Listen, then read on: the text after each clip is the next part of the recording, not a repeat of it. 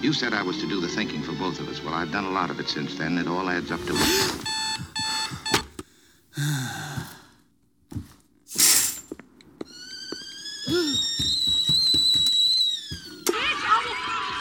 Quiet, quiet, quiet. Now, you've got to listen to me. You have any idea what you'd have to look forward to if you stayed here?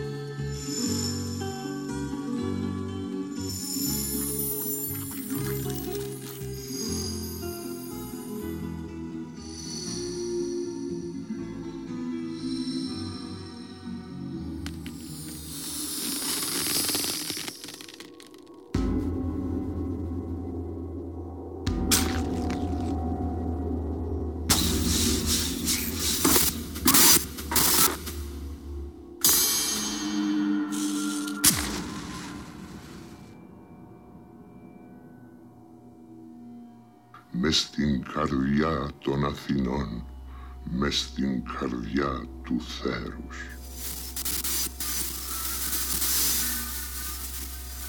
Παρά την υψηλή θερμοκρασία, η κίνηση σήτω ζωηρά κι ενώ στα αυτιά μου έφθαναν ρηπέ πνιγμένων θρήνων, για μια στιγμή η κίνησης διεκόπη.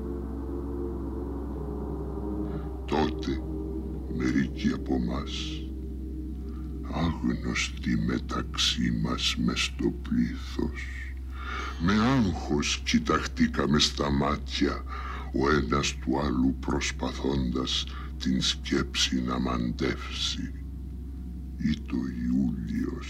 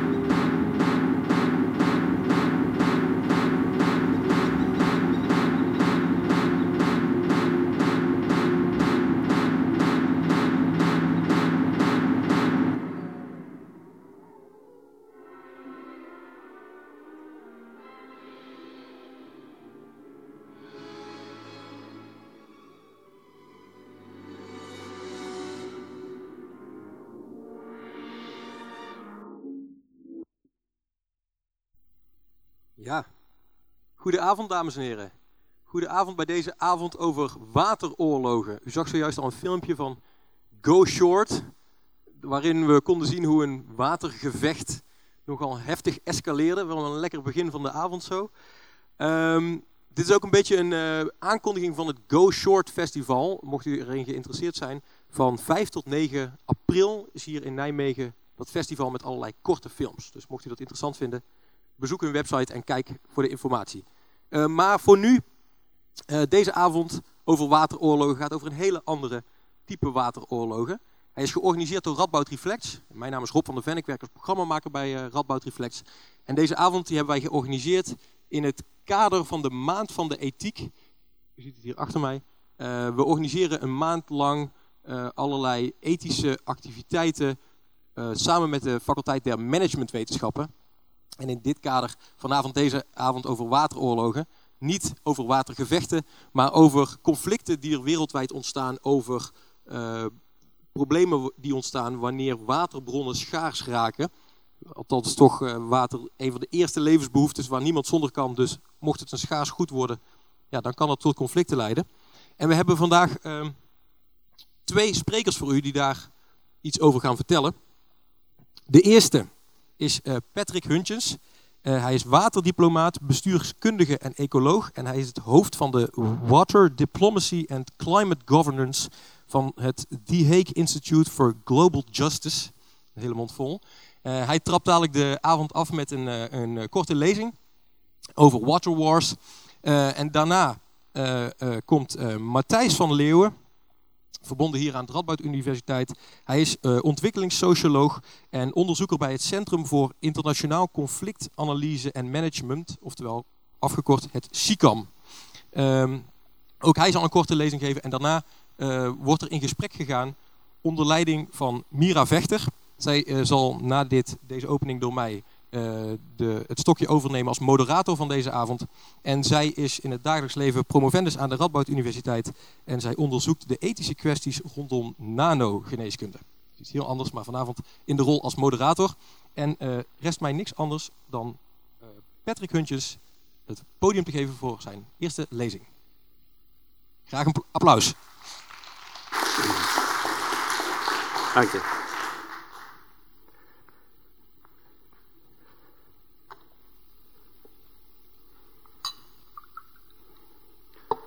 Goedenavond, welkom uh, in Nijmegen en een uh, hartelijke dank voor uh, de programmamaker Rob en Radboud Reflect om, om dit thema op de agenda te zetten. dit is mijn dagelijks werk, um, dus ik kan in mijn eigen valkuil vallen dat ik te veel details ga vertellen. Ik ben ook een wetenschapper op dit onderwerp, dus ik kan ook de neiging hebben om het compleet te vertellen. Dus vergeef me als ik dat te veel doe. Um, Tegelijkertijd ben ik ook iemand die graag uh, de interactie met het publiek opzoekt. Uh, ik wil uh, Mira, de gespreksleider, niet te veel de wind uit de zeilen nemen. Maar ik kan het niet laten om af en toe een vraag aan jullie te stellen. Um, even kijken of de presentatie het doet. Ja. Nou, dit, ik denk dat dit plaatje al de tweedeling een beetje laat zien. Het zijn twee kanten van dezelfde medaille. Water wars aan de ene kant en wat wij doen uh, is proberen om uh, waterconflict te vermijden. Er zijn ook twee verschillende definities. Water wars is eigenlijk heel strikt gedefinieerd als een, een gewapend conflict tussen twee landen. waarbij echt militair conflict aan te pas komt. waterconflict is breder gedefinieerd. dat dit kan variëren van verbale spanningen tussen twee landen of tussen twee groepen die ruzie hebben over water. Uh, tot echt gewapend conflict. Uh, dus dat laatste stukje is, uh, dat zou een oorlog kunnen betekenen.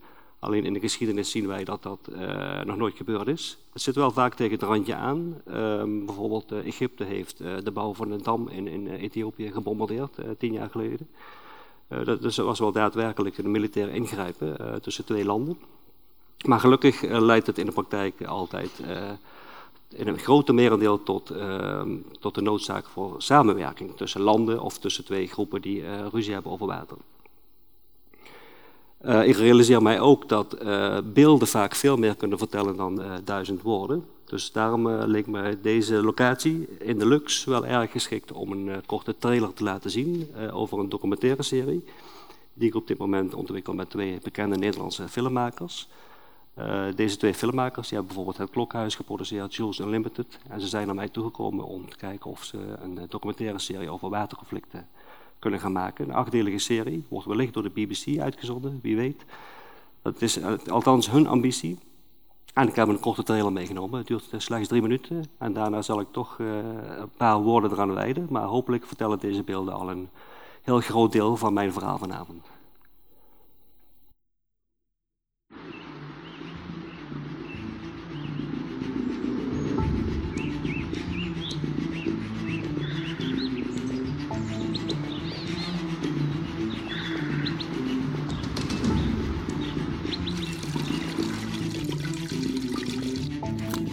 The flow of fresh water is vital for every living organism. But this flow is at risk. Floods, droughts,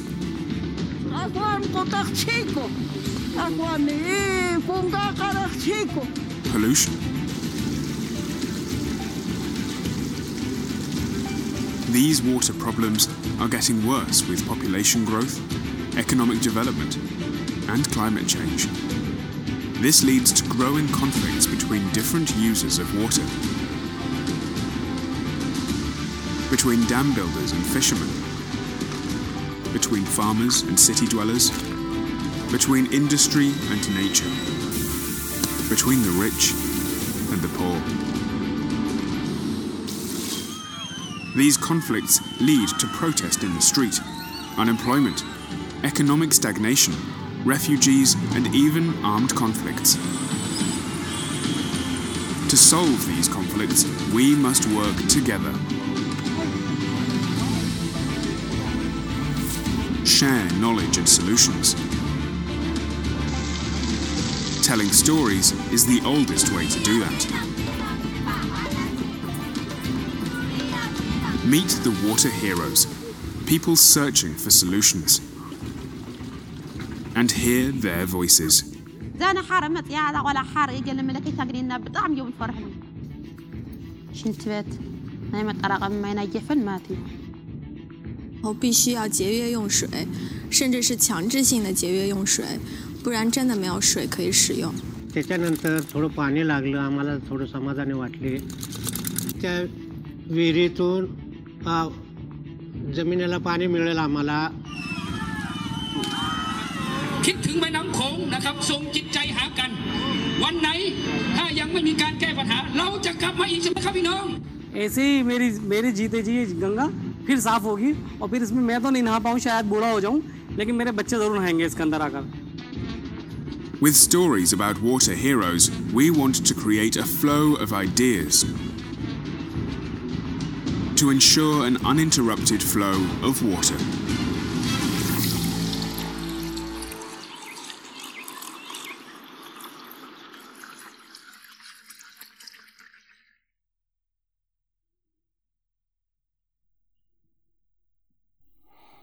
Nou, de beelden op zich eh, vertellen al een heel verhaal, maar ik wil er toch nog wel eh, graag een paar woorden aan toevoegen. En meteen een vraag aan u als publiek. Hier staat de Roots of Conflict in Syrië. Wie kan mij vertellen wat, eh, waar u als eerste aan denkt? Wat zien we in het nieuws? Iemand? Ja, mevrouw? Als u hardop praat, heeft, heeft u geen microfoon nodig hoor. Ja? Oké, ja. Speelt mee. Iemand anders? Ja? Mislukte oogsten? Spijker op de kop, zou ik bijna zeggen. Bijna. Nog iemand?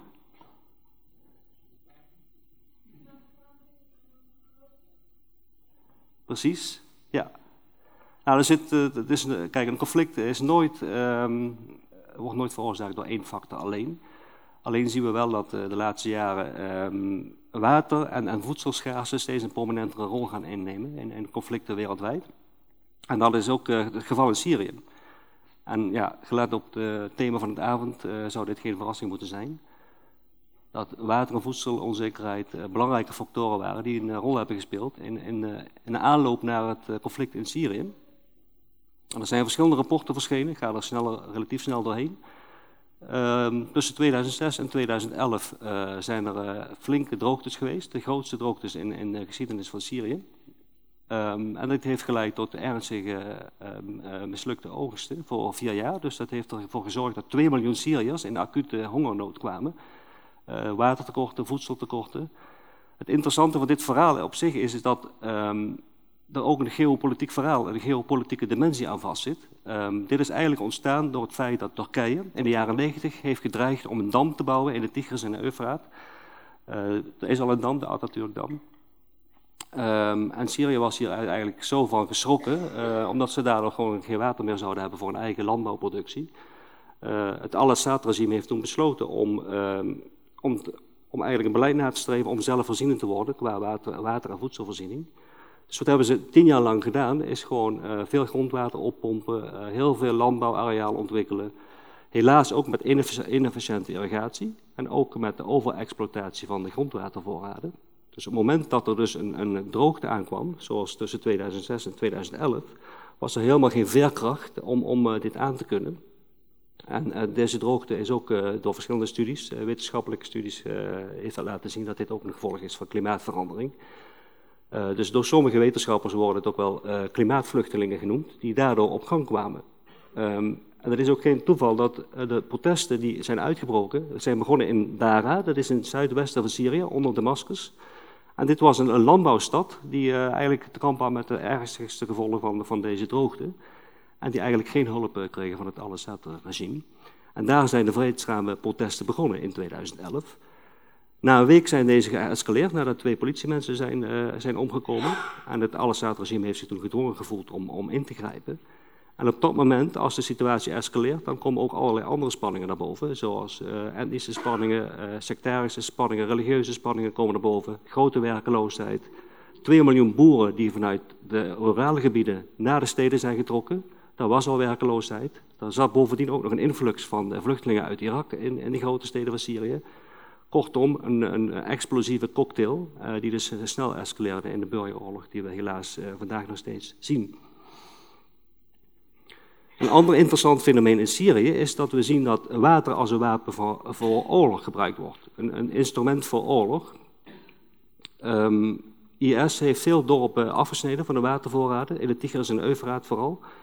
Uh, en dan is het een kwestie van tijd voordat deze dorpen zich uh, gewonnen geven. En zo is eigenlijk de opmars van IS begonnen, met name met het gebruik van water als, als wapen voor, voor het oorlog voeren. En ook uh, de Mosuldam uh, is ook een bekend voorbeeld. Uh, de eerste actie van de Amerikanen bij de bevrijding van Mosul was om de Mosuldam te heroveren. Want het grote gevaar was dus dat IS de dam zou opblazen. En dat er een enorme stort, vloedgolf van een aantal meters hoog over Mosul zou stromen. Dus dat is de eerste actie, militaire actie, die heeft plaatsgevonden bij de bevrijding van Mosul. Nou, de, gevolgen kennen we. Um, uh, eh, 6 miljoen mensen in Syrië hebben dus uh, hun, huishouden achtergelaten en zijn naar de grote steden getrokken. Ongeveer 2,5 miljoen uh, mensen daarvan, die zijn vertrokken vanuit het land. De meeste zitten in de omringende landen, zoals Jordanië, Libanon, Egypte, um, Turkije. en slechts een klein deel een relatief klein deel, is naar Europa getrokken. Um, nou, dus dit is de ergste vluchtelingencrisis die we sinds de Tweede Wereldoorlog gezien hebben. En dat is maar een eigenlijk een klein verhaal, bij wijze van spreken. Het is een enorm triest verhaal. Maar als je dat wereldwijd bekijkt, zie je dat het overal ter wereld eh, op dit moment uh, aan het plaatsvinden is. Uh, door uh, migratiegolven veroorzaakt door natuurrampen. de VN heeft berekend dat er 64 miljoen mensen per jaar op de vlucht zijn door natuurrampen. En je ziet hier de hotspots waar dit gebeurt. Vooral in, in, in uh, Sahel, in Afrika, Zuid-Soedan. We zien het op dit moment Ethiopië, Somalië, Jemen. Uh, ernstige hongernood, uh, met name door watertekorten, politieke instabiliteit, corruptie, armoede. Het is altijd een combinatie van factoren, maar water- en voedselzekerheid speelt daar zeker een grote rol in. Nou, nu komen we bij het waterverhaal. Dit is een plaatje wat uh, waterstress laat zien. Waterstress is net iets anders dan waterschaarste. Schaarste is eigenlijk een absoluut tekort um, ten opzichte van de vraag. Waterstress is, betekent dat er een tekort is in, in een bepaalde periode van het jaar. Um, als je goed kijkt, ziet u ook dat Nederland rood gekleurd is. Een land waar dus waterstress optreedt. Nou, het zit niet in het DNA van de Nederlanders om te denken dat wij met waterdroogte of met droogte te maken kunnen hebben. We zijn met name gewend om, om de zeespiegel uh, te uh, of de, de zee tegen te houden en de rivieren en overstromingen tegen te houden.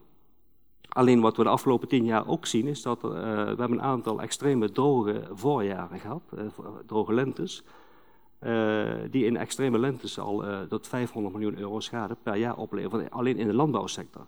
En dat is veel meer schade dan wij door, jaarlijks door overstroming hebben in Nederland. Dus dat is eigenlijk een nieuw fenomeen die nog niet tussen de oren zit van de meeste Nederlanders. Um, op dit plaatje zie je ook dat uh, de hotspots eigenlijk Noord-Afrika, Midden-Oosten, Zuid-Azië, China, ook in Centraal-Amerika, uh, dat zijn de hotspots waar uh, waterstress optreedt. Um, de gloomy picture, de, ja, de toekomst hier ziet er niet goed uit.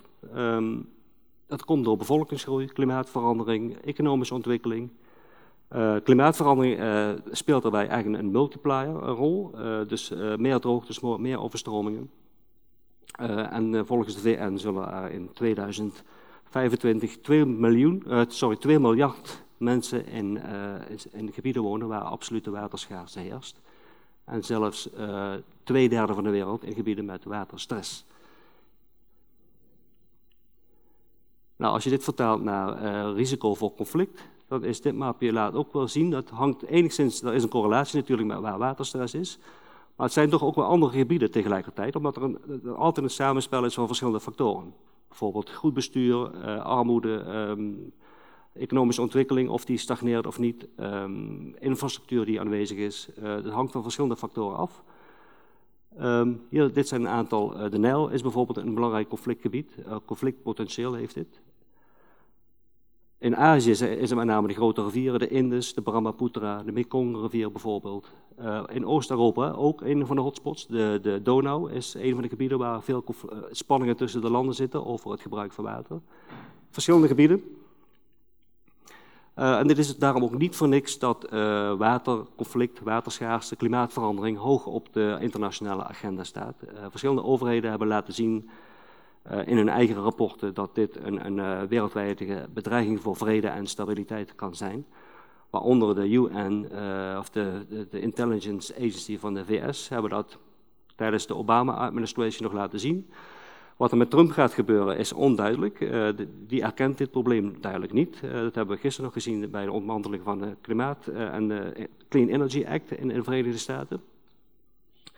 Tegelijkertijd zie je wel dat andere landen het voortouw gaan nemen, zoals China, die nu een voortrekkersrol gaat spelen in de uitvoering van het klimaatakkoord uit Parijs. Um, afgezien van de Verenigde Staten herkennen alle landen dat dit uh, een grote bedreiging voor de toekomst gaat worden. Met name ook als je dit op mondiaal niveau gaat kijken. Het kan een bedreiging uh, uh, vormen voor de wereldwijde voedselmarkt. Met fluctuerende prijzen. Ook economische groei is afhankelijk van water, voedsel natuurlijk. Um, kortom, de uitdagingen zijn groot. En als je naar dit kaartje kijkt, zie je ook dat het uh, niet een plaatje is voor de toekomst. Dit zijn de conflicten die in de, in de geschiedenis hebben plaatsgevonden in de laatste decennia. En uh, niet geheel ontoevallig ook weer precies in de gebieden waar ik liet zien waar de waterstress en de waterschaarste optreden. En ook niet geheel toevallig, uh, dit plaatje zijn de gebieden waar wij als de Hague Instituut werken op water en, en klimaatadaptatie. Um, en ook zoals de VN, uh, wordt, door de VN wordt erkend, er kan eigenlijk geen vrede zijn als we niet uh, nadenken over hoe we uh, water um, meenemen in ontwikkelingsplannen voor ontwikkelde landen, maar voor, ook voor ontwikkelde landen. Daarnaast een interessant fenomeen is het feit dat er steeds meer conflicten optreden in stedelijke gebieden. Dit zijn een aantal recente voorbeelden. In Ierland, het enige land in Europa nog waar geen prijs op water zit. Daar zijn dus vorig jaar uh, gewelddadige protesten uitgebroken. Nou ja, vreedzame protesten waar een aantal arrestaties hebben plaatsgevonden. Niet heel ernstig, maar toch. Uh, de mensen zijn zich bewust van uh, het belang van water natuurlijk. Dus in Ierland vinden ze dat het water vrij moet zijn. Of in ieder geval, er moet geen prijs op zitten. Veel mensen op straat, ook in Detroit. Daar is zelfs een, een VN-commissie naartoe gegaan om te pleiten voor water als een mensenrecht. De rechter heeft vorige week nog besloten uh, dat uh, dat recht niet erkend wordt en dat er dus uh, verschillende wijken in Detroit afgesloten worden van de watervoorziening, omdat de mensen niet kunnen betalen. En het zijn juist de wijken waar de mensen simpelweg niet kunnen betalen, omdat ze werkloos zijn. Um, en er vinden ook dagelijks protesten plaats in Detroit tegen deze beslissing van de lokale overheid en van de lokale rechter. en een conflict dus ook met de VN hierover. Want de VN vindt dat de mensen in deze wijken ook recht hebben op water. Dus een uitdaging voor de overheid in Detroit om daar een oplossing voor te vinden. Brazilië, ook een voorbeeld. Rio de Janeiro, Sao Paulo. Sao Paulo, de grootste stad op het westelijke halfrond. 20 miljoen mensen. In de metropool uh, Sao Paulo, 40 miljoen mensen werken, uh, wonen daar. Um, en ze hebben te maken met de grootste watertekort in hun geschiedenis. Het heeft met verschillende factoren te maken. Uh, in Bolivia, de gletsjers worden steeds minder door klimaatverandering. Dat is een belangrijke watervoorraad die opgevangen wordt in, in de watervoorraden rondom Sao Paulo. Daar, uh, daar ontstaan enorme tekorten. Uh, daarnaast heeft het ook te maken met de ontbossing in, in Brazilië, waardoor dus andere klimaatpatronen ontstaan voor de kust van Brazilië, waardoor dus minder regenval optreedt. En dit in combinatie met corruptie en uh, werkeloosheid in Sao Paulo leidt dit dus tot echt protest in, in, in Sao Paulo op dit moment ook, waar er zelfs het leger wordt ingezet om, om de situatie onder controle te houden. Tot dusver is er geen duurzame oplossing gevonden. Dus dat zijn potentiële hotspots waar het conflict kan escaleren. Dit is het plaatje van onze activiteiten. Kort, uh, water diplomacy wordt, wordt gedefinieerd als uh, eigenlijk alle maatregelen die genomen kunnen worden om conflicten te voorkomen of op te lossen. Dit is een van onze projecten. Hieronder ziet u de, de, de, partners met wie we werken, internationale partners uit de VS, uit Zweden, uit Duitsland. Um, ook um, Civil Society is erbij betrokken, IOCM bijvoorbeeld. En hier kijken wij gewoon naar mogelijkheden voor landen om tot oplossingen te komen waar alle landen ook um, bij gebaat zijn. Ja, dat is gebaseerd op een mutual gains approach. Daar kan ik meer over vertellen. Nou, een vraag aan u. Wat denkt u aan als u dit plaatje ziet? Kan van alles zijn, hè? ja, nou, dit, eh, dit is uh, Zanzibar in dit geval. Tenminste, zo ziet het eruit op de toeristenfolders. En dit is de realiteit van Zanzibar uh, orkanen, tyfoons, zeespiegelstijging. Vooral allerlei economische sectoren die extra kwetsbaar zijn voor klimaatverandering. Toerismesector, visserij en landbouw, de hoofdsectoren van Zanzibar. Allemaal hebben ze te maken met de gevolgen van klimaatverandering. Het, lijkt ook, het leidt ook tot conflict op Zanzibar. Omdat mensen die aan de kustgebieden wonen, die worden gedwongen om hun huishoudens achter te laten en ergens anders te gaan wonen. Dat doen ze op het grondgebied van andere mensen, van hoteleigenaren bijvoorbeeld. Dus er zijn, ontstaan op die manier dus conflicten in Zanzibar. We zijn door de overheid van Zanzibar gevraagd om uh, mee te helpen om actieplannen te ontwikkelen, om uh, een duurzame ontwikkeling voor de kustgebieden in Zanzibar uh, te faciliteren. Dat is dit project. Uh, en dat geldt ook voor heel veel kleine eilandstaten in de Pacific, in de Caribbean. Ze hebben allemaal te maken met de gevolgen van klimaatverandering. Zijn extra kwetsbaar, terwijl ze eigenlijk gewoon feitelijk nul hebben bijgedragen aan klimaatverandering. Um, dus wat dat betreft ook een interessant rechtvaardigheidsvraagstuk. Van wie gaat er nu voor betalen? want zij ze hebben er zelf geen schuld aan, maar ze krijgen wel met de gevolgen te maken. Nog een ander voorbeeld, bemiddeling in het Israëlisch-Palestijns conflict. Uh, we zijn door de Nederlandse overheid gevraagd om daar als, als bemiddelaar op te treden. Nou, ik zal er niet, uh, dit is natuurlijk het, complex, een, een, het voorbeeld van een complex conflict bij uitstek. Dus ik zal er niet te lang op ingaan. Um, een paar feiten. In de nederzettingen in, in de Westbank uh, hebben de Israëliërs uh, drie keer zoveel water, vier keer zoveel water als de, de gemiddelde Palestijn. Uh, dus 300 liter water per dag voor de, voor de Israëliërs, 70 liter water per dag voor de Palestijnen in hetzelfde gebied. 70 liter per, per dag is ook de grens van de Wereldgezondheidsorganisatie als wanneer ze spreken voor, van een humanitaire ramp, waar de VN dus eigenlijk de plicht heeft om in te grijpen. En dit is slechts een gemiddelde. Dus in heel veel situaties hebben Palestijnen maar 30 liter water per dag beschikbaar. Kortom, een grote ongelijkheid wat betreft waterbeschikbaarheid in de Palestijnse gebieden. Tegelijkertijd is ook, uh, zijn de watervoorraden grotendeels gedeeld. Uh, Israël en, de Palestina zijn allebei afhankelijk van de mountain aquifer, zoals je hier ziet op het plaatje. Um, dus op het moment dat deze watervoorraden in gevaar komen, dan uh, bedreigt dat de, de drinkwatervoorziening van, van beide uh, bevolkingen. Dus er is enige vorm van samenwerking nodig om dit probleem aan te pakken. En dat is ook de reden uh, dat wij daar uh, een bemiddelingspoging doen en hebben gedaan in het verleden. Eerst was het Track 2, dat betekent dat er een, een services- en maatschappelijk initiatief plaatsvindt om een modelvredesakkoord te ontwikkelen. Dat hebben we vorig jaar afgerond. Op dit moment zijn we aan het werken aan het Track 1. Dat is eigenlijk een formele bemiddeling tussen twee landen, Israël en Palestina in dit geval om een oplossing te vinden voor uh, afvalwater, wat de grens van Westbank naar Israël overgaat. Dit afvalwater is ongezuiverd, zijpelt door in de valleien naar de grondwatervoorraden, dus op, opnieuw de drinkwatervoorziening op, uh, van beide bevolkingen staat op het spel. Dat biedt tegelijkertijd ook een belangrijke voorwaarde om een bemiddeling te starten. Want dat is dus in het belang van beide partijen om daar samen een oplossing voor te vinden. Dit zijn een aantal stappen die wij dan doorlopen. Het begint met uh, alle partijen erbij betrekken die een rol hebben of die door beslissingen de gevolgen kunnen merken. Dus het gaat niet alleen maar om besluitmakers, maar ook uh, lokale bevolking die erbij betrokken moet worden. Joint fact-finding is belangrijk. Dan moeten, uh, alle partijen moeten het eens worden over de, over de feiten. En dat is een enorm probleem vaak. Ze komen allebei met hun eigen rapporten. dus dat, dat vergt een heel lang proces van joint fact-finding.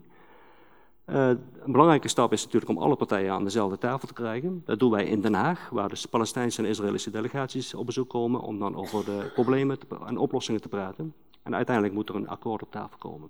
Dus heel kort even de stappen die wij doorlopen bij een bemiddeling. Dan nog een paar slides over uh, uh, de aard van waterconflicten en ook verschillende types waterconflicten die er zijn. Zoals ik al zei, het kan ehm, het centrale punt van een conflict uh, zijn. Uh, in de Brahmaputra-rivier zie je bijvoorbeeld dat er enorme zorgen zijn over de verdeling van water tussen China en India. Een belangrijke bron voor een economische ontwikkeling. Het kan ook een instrument zijn in conflict. Syrië, zoals ik net noemde, uh, is daar een voorbeeld van. En het kan een katalysator zijn van internationale conflicten. Sudan is een voorbeeld. nomaden die dus vanuit de woestijn naar zuiden zijn getrokken dus dit, is eigenlijk, dit gaat over een conflict tussen claims over land en water. Rwanda was er ook een voorbeeld van. Uh, dat ging ook over claims uh, voor land en water.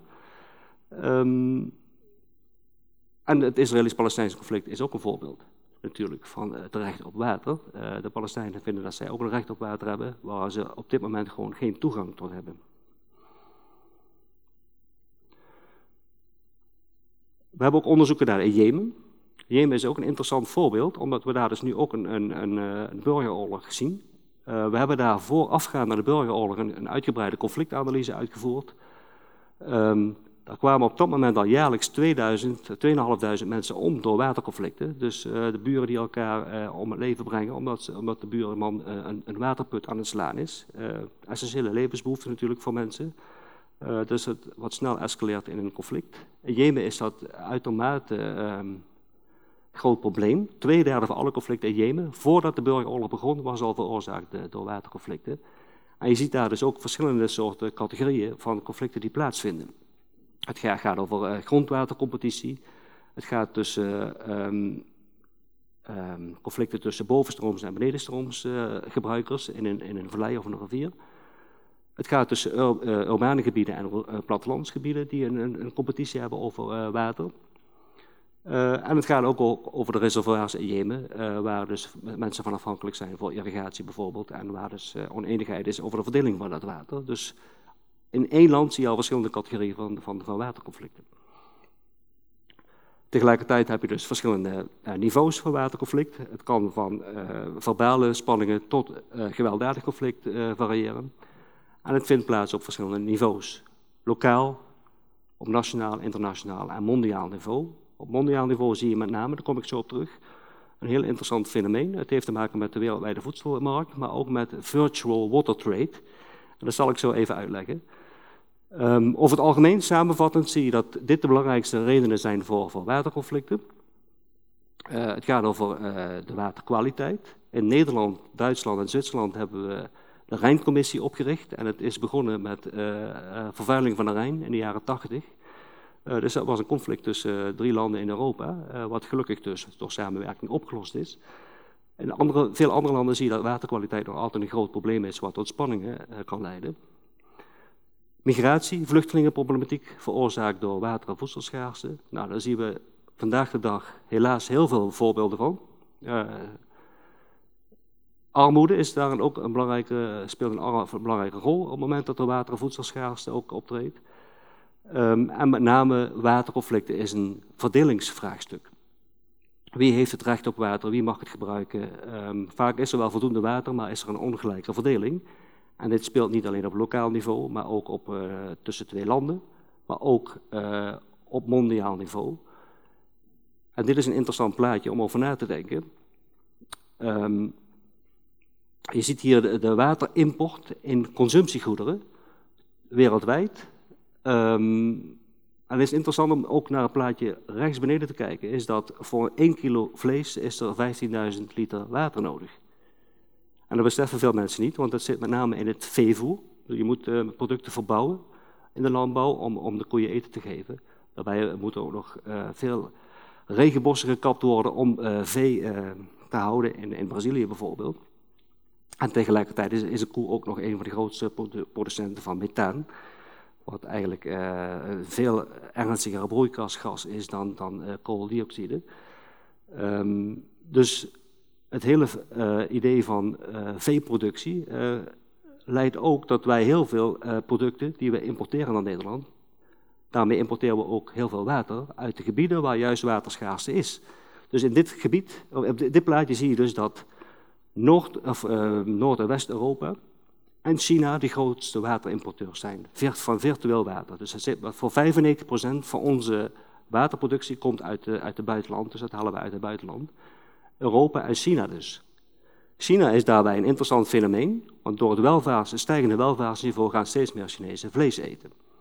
Nou, je ziet nu al dat ze een grote importeur zijn van water. Dus dat halen ze uit Brazilië, van de vee-industrie in Brazilië. Dat halen ze uit Afrika, dat halen ze uit uh, Australië. En heel veel wordt gehaald uit uh, de Verenigde Staten. Dus juist in die gebieden waar waterschaarste optreedt, wordt dus het water ook weggehaald via de consumptiegoederen. En dan gaan we met name naar China en Europa. Nou, dat zet je even aan het denken over het gebruik van vlees natuurlijk. Um, als je dit soort effecten zou meenemen in de prijs van een stukje vlees, dan zou je gehaktbal misschien uh, 25 euro kosten in plaats van 2,50 bij de snackbar. Dat zet je wel even aan het denken natuurlijk. Nou, dan wil ik er niet gaan pleiten voor dat iedereen moet stoppen met vlees eten. Het goede, verhaal, het goede punt van dit verhaal is dat, uh, dat het is uitgerekend dat als iedereen in Nederland één dag in de week geen vlees zou eten, dat we daarmee onze eigen klimaatdoelstelling al zouden halen. Juist omdat de koe zo'n grote methaanproducent is. En dit zou ook natuurlijk op Europees niveau gelden. Als Europa gewoon, als iedereen één dag in de week geen vlees zou eten, zou Europa daarmee zijn klimaatdoelstellingen halen. Hetzelfde geldt voor China. Dus eigenlijk is de oplossing heel simpel. Gewoon iedereen gewoon één dag geen vlees. Meat Free Monday. Dat is iets dat uh, wil ik jullie meegeven om mijn presentatie af te sluiten. Dank u wel.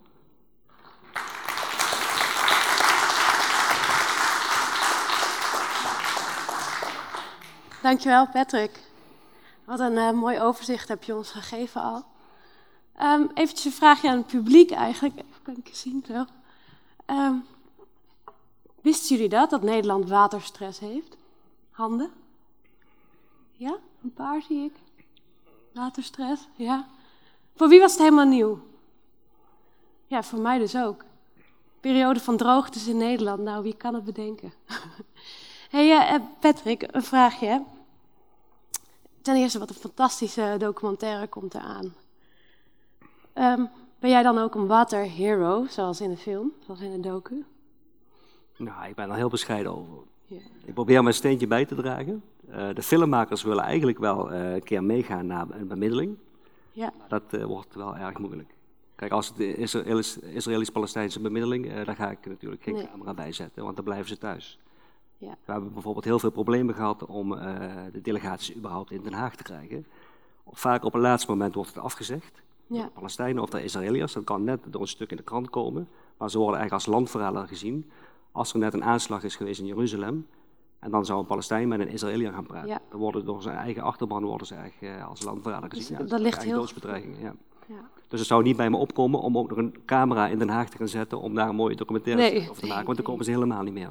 Nee, dat wil je niet op je geweten hebben, nee, denk ik. Nee. Hey, en, uh, en wat ik me dan uh, eigenlijk um, ja, ja, afvraag, jouw eigen rol daarin. Hè? Je bent, ben je dan onderzoeker, uh, diplomaat? Of, of, Kijk, als ik namelijk hoor dat er 64 miljoen mensen op de vlucht zijn, dan zou ik ook denken dat is wel heel lastig, omdat dat gaat niet in je koude kleren zitten. Nee. Word je dan ook wel eens uh, ja, dan boos of, of denkt ik ben een activist op dit gebied? Of, of ben je behoorlijk gematigd daarin? Ja, activistisch uh, zou ik niet willen zeggen. Nee. Um, kijk, ik geef om onze planeet, ik geef om mensen en ik hou niet van conflict. en ik ben geïntegreerd door, uh, door complexe waterproblemen. Dus op die manier probeer ik mijn bijdrage te leveren. Uh, tegelijkertijd zie ik ook heel veel positieve verhalen. Ja. Dit is een beetje een, een, donker plaatje, of een gloomy picture, die je af en toe, uh, waar, ja, waardoor je denkt van ja, wat kunnen we nog eraan doen? Tegelijkertijd zie ik ook heel veel goede voorbeelden van wat wij gewoon in ons eigen leven ook kunnen veranderen. Dat is een positieve noot. hey, eh, ik zou, voordat we naar de volgende spreker gaan, zijn er nog nu vragen aan Patrick? Kijk, daar hebben we een vraag.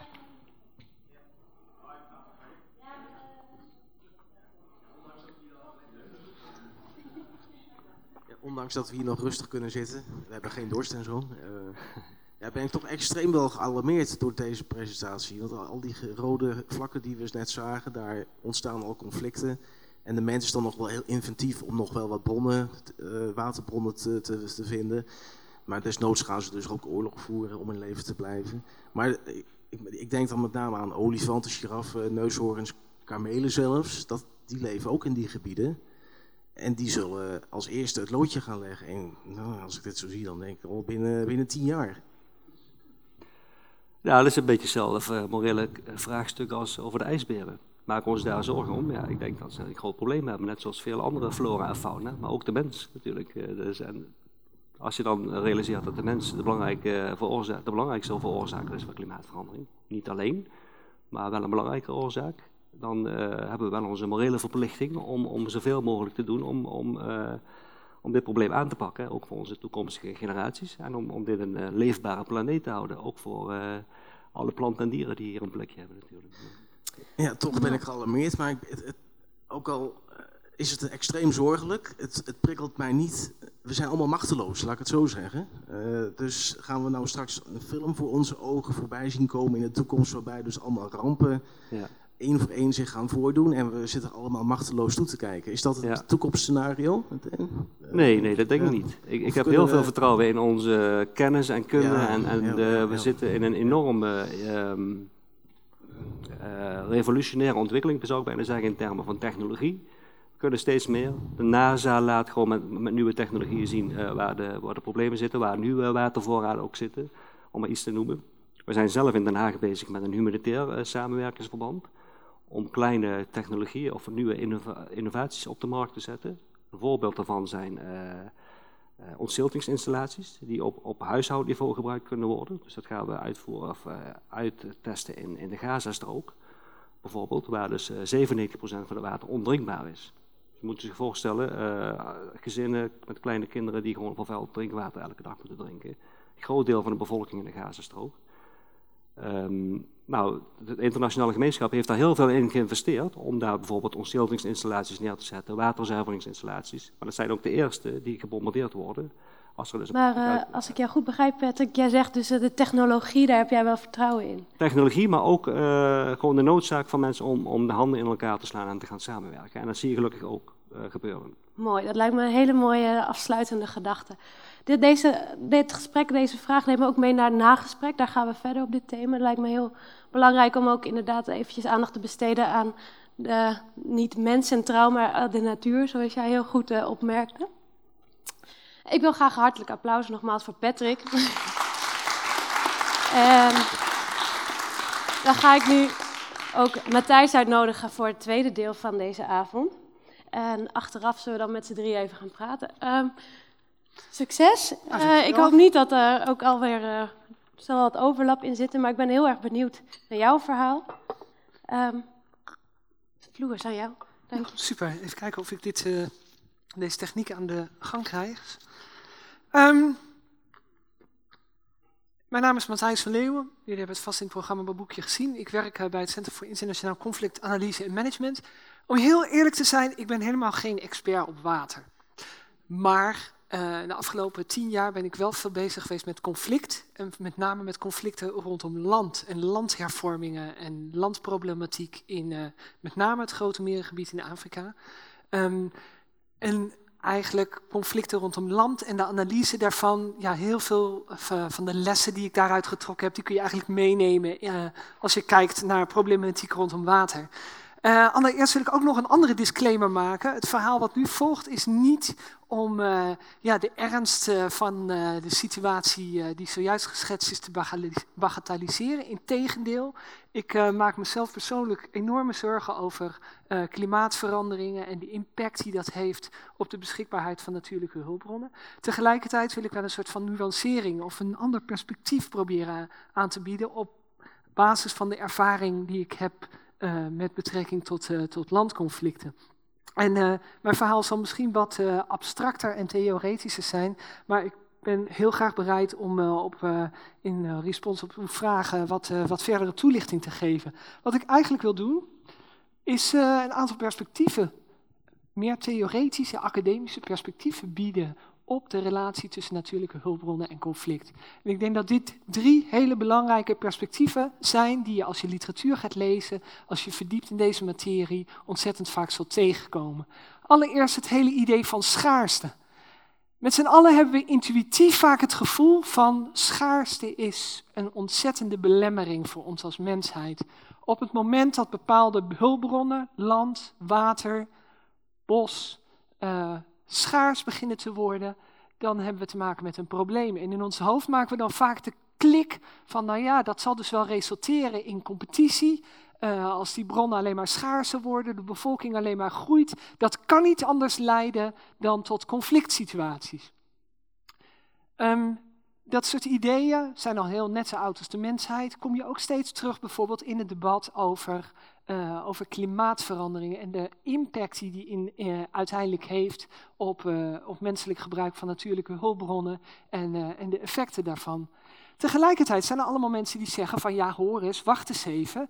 Als mensheid schrijden wij voort, de techniek gaat vooruit, wij zijn steeds beter in staat om met die problemen om te gaan. Als mensheid hebben we kennis en vaardigheden om uh, met die tekorten op een goede manier om te gaan, die tekorten minder belangrijk te maken. Wat bovendien ook heel erg belangrijk is, van die schaarste, het hele idee van schaarste gaat uit van een soort van natuurlijke uh, conflict als uitkomst van schaarste en uh, het feit dat mensen uh, ruzien over die hulpbronnen. Maar als, mens, als mensheid hebben wij allerlei lessen geleerd uit het verleden. Hoe kunnen we omgaan met die conflicten? Hoe kunnen we op een vreedzame manier die tegenstellingen overbruggen? En dat zijn die meer institutionele benaderingen. Mensen die zeggen van maak je niet al te druk. Het grote probleem is niet zozeer de schaarste. Waar het uiteindelijk om gaat, is de capaciteit van mensen om met die schaarste op een goede manier om te gaan. Het grote probleem is als de instituties die wij als samenleving inrichten om die onvermijdelijke conflicten over natuurlijke hulpbronnen uh, uh, niet in staat zijn om goed te functioneren, dan hebben we een probleem. Dat is bijvoorbeeld met name in conflictgebieden, falende staten waar inderdaad de overheid niet in staat is om op een goede manier met die altijd voorkomende conflicten over landbouwgrond, over watervoorziening, over uh, nou ja, uh, minerale hulpbronnen, ook over uh, bos bijvoorbeeld, om daarmee om te gaan. Ik hoop niet dat dit te academisch is, maar ik wil toch nog een derde perspectief introduceren. Meer politieke economie. En dat zijn mensen die zeggen, wetenschappers, en misschien, ik schaar me daar eigenlijk ook een beetje onder, die zeggen van, Wees een beetje voorzichtig met die snelle interpretatie van veel conflicten in termen van natuurlijke hulpbronnen. Gaat het wel over water? Gaat het wel over landbouwgrond? Gaat het werkelijk over bossen? Of gaat het eigenlijk over hele andere issues? Die bijvoorbeeld in die context van een conflict over natuurlijke hulpbronnen tot uitbarsting komen. Conflicten over landbouwgrond in bijvoorbeeld een land als Burundi. Of conflicten over water in een land als Syrië of in, uh, in Pakistan. Hebben die werkelijk te maken met schaarste? Of gaan die er vooral over dat mensen bijvoorbeeld een slechte relatie hebben met hun lokale autoriteiten, uh, op zoek zijn naar onafhankelijkheid, zichzelf uh, het gevoel hebben dat ze buitengesloten zijn door hun nationale uh, regering in het gebruik van die hulpbronnen. En komt dat dan inderdaad tot uitbarsting in conflicten rondom die hulpbronnen. Dus eigenlijk zou je dan bijna kunnen zeggen van dat conflicten over natuurlijke hulpbronnen zijn heel vaak een strijd niet zozeer over uh, de aanwezigheid, de schaarste, hebben niet zoveel veel te maken met die schaarste, maar hebben vooral te maken met verdelingskwesties. En dat is ook een ding ja, wat jij net wat duidelijk een paar keer genoemd hebt in, uh, in, uh, in je presentaties. En waarom, waarom vind ik dit nou als wetenschapper zo belangrijk? Hè? Je kunt zich voorstellen van ja, wat maken die verschillende nou perspectieven nou eigenlijk uit? Ik denk dat het heel belangrijk is, omdat ze ontzettende implicaties hebben voor wat we uiteindelijk doen met die conflicten. En hoe wij naar die conflicten kijken. Je zou eens kunnen zeggen van nou inderdaad, als Soudaan het conflict gaat over akkerbouwers en veetelers die elkaar in de weg zitten. Natuurlijk komt er dan conflict van. Wat kunnen we dan doen? nou ja, misschien zijn we niet in staat om te zorgen voor goede instituties. Misschien moeten we ze maar gewoon laten uitvechten en zien wat er van komt. Of juist, misschien moeten we op zoek naar het ondersteunen van uh, allerlei technische oplossingen om uh, waterbeschikbaarheid, landbeschikbaarheid te vergroten. Kijk je meer vanuit zo'n institutionele benadering? Of moet je mensen meer trainen in het goede manier oplossen van conflicten en, te, en iets van bemiddeling te doen? Mensen te vertellen van nou, als je maar goed met elkaar praat, misschien komt het dan tenslotte wel goed. Nou, ik chargeer natuurlijk een beetje. Politieke economie die zou, zeggen van, die zou zich afvragen van ja, waar gaan die conflicten nou eigenlijk over? Gaan die niet uiteindelijk bijvoorbeeld over verdelingskwesties? Gaat het in het geval van Zuid-Soedan niet uiteindelijk over het feit dat het zuiden van Soedan jarenlang geëxploiteerd is door het noorden? Dat jarenlang op allerlei mogelijke manieren land en water weggechanneld is uh, naar, naar het noorden toe? En zou je daar uiteindelijk iets moeten, aan moeten doen? Die oneerlijke verhoudingen, die oneerlijke verdelingen, die oneerlijke machtsverhoudingen in zo'n samenleving. Nou, dat is een beetje een politieke economie-perspectief. Um, en ik ga jullie daar een heel concreet voorbeeld van laten zien. Um, en dat is het geval van Syrië. we hebben dit niet voorbereid. ik uh, kwam er dus ook net achter dat, het hier over, dat we over Syrië zouden praten. Wederom media afgelopen vijf jaar is inderdaad heel erg zo'n beeld ontstaan, of is heel vaak het thema aangehaald van nou die conflicten in Syrië, misschien moet je die wel zien als voor een heel groot gedeelte bepaald door schaarste, door uh, problemen rondom water. En ik ben, zal de eerste zijn die zegt van water is inderdaad een ontzettend belangrijk element in het conflict in Syrië. Maar je moet wel heel voorzichtig zijn om dat een soort van primaire oorzaak van conflict te noemen. Als onderzoeker van conflicten ben ik er over de tijd wel achtergekomen dat conflicten altijd een heel ingewikkeld samenspel zijn van allerlei factoren die op de een of andere manier bij elkaar komen. Daar kan water een hele belangrijke in zijn. Het kan zelfs zo zijn dat aan het begin van een conflict water ontzettend belangrijk is, maar later eigenlijk helemaal niet meer zo'n rol speelt.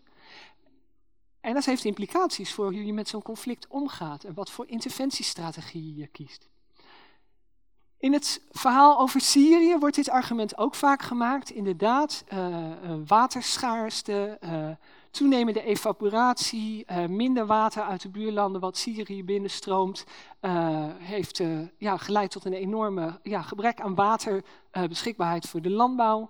wat weer geresulteerd heeft in een verarmde, hongerige bevolking die naar de steden getrokken is.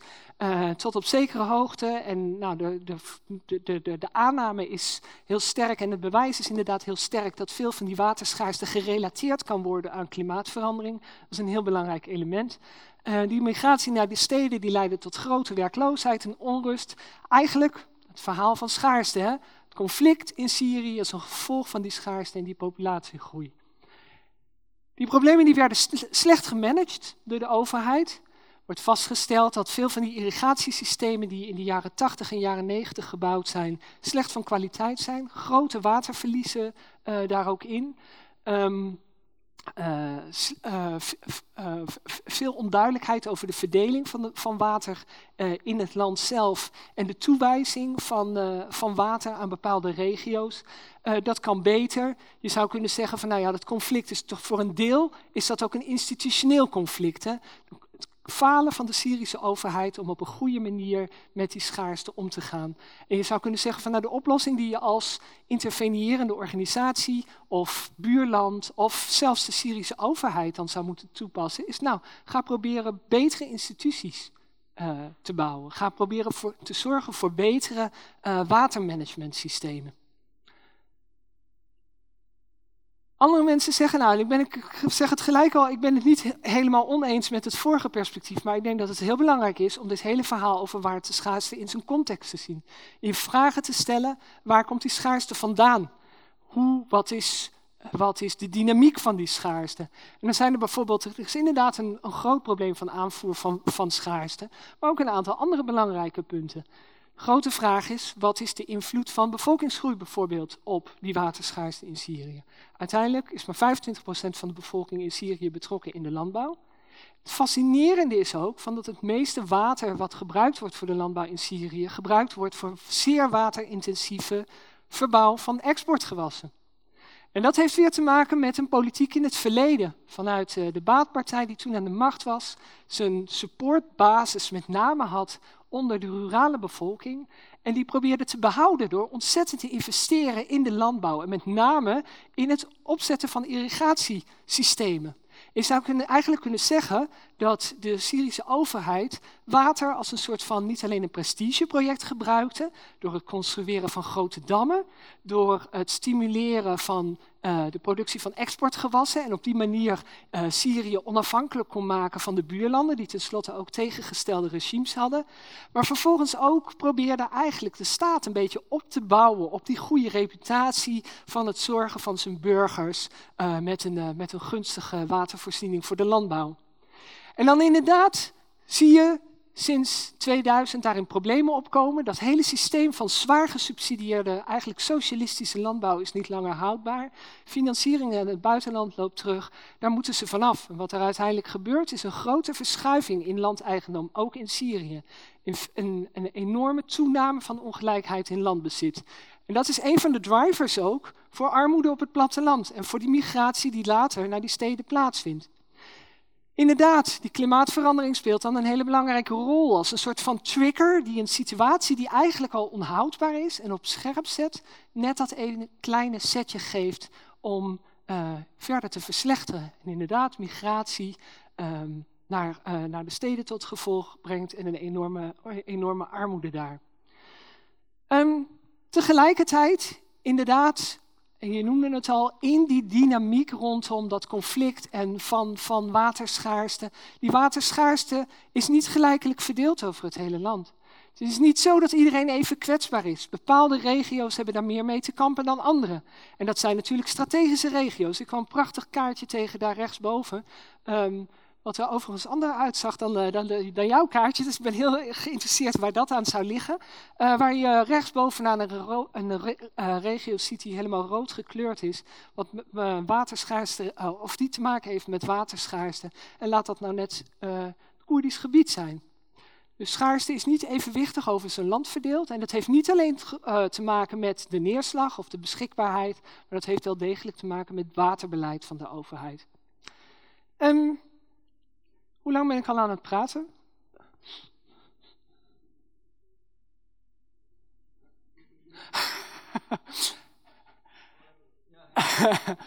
nou, ik uh, zou eigenlijk, nou, ik kan namelijk nog heel veel meer voorbeelden uh, benoemen, uh, ook uit mijn eigen ervaring, met name in, in Afrika. Andere voorbeelden waaruit, waar, waar vaak benadrukt wordt wat de belangrijke rol is van die klimaatverandering en de aanwezigheid van waterbeschikbaarheid. We hadden het er net al even over Soudaan. Uh, ander voorbeeld waar uh, onderzoek gedaan is, is in, uh, in Darfur bijvoorbeeld. Wat enige jaren geleden ook zo'n case was waar iedereen opeens over zei van klimaatverandering is een van de belangrijkste oorzaken van het conflict in Darfur. En als je gaat kijken naar de feiten dan, en de geschiedenis en de politiek rondom water en natuurlijke hulpbronnen, met name ook land, dan zie je juist uh, dat die een ontzettend belangrijke rol, rol gespeeld heeft. Inderdaad, wel fascinerend dat juist scorched earth strategieën toegepast worden, waarbij natuurlijke hulpbronnen bewust vernietigd worden, als het hier inderdaad gaat om een uh, natuurlijke hulpbronnenconflict.